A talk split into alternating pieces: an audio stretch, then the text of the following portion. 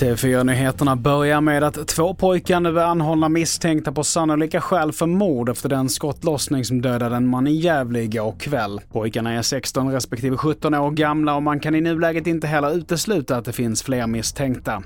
Så här säger vice chefsåklagare Mikael Dahlberg. Alltså, under natten så, så har ju jouråklagaren då anhållit två personer eh, som misstänkta som på sannolika skäl då för detta mord. Eh, för det, det, det är ju vad det är. Och eh, de här två personerna de är båda under 18 Offret och i vart fall en av de nu anhållna är ju kända av polisen sedan tidigare. Och vidare till Ukraina där Kiev nu planerar en full evakuering av sina tre miljoner invånare om elen slås ut av de ryska bombräderna. Det skriver The New York Times. Under dagen idag så kommer elen kapas i flera regioner i Ukraina för att avlasta elnätet, men om den ryska offensiven fortsätter så kanske man måste sätta planen i verket.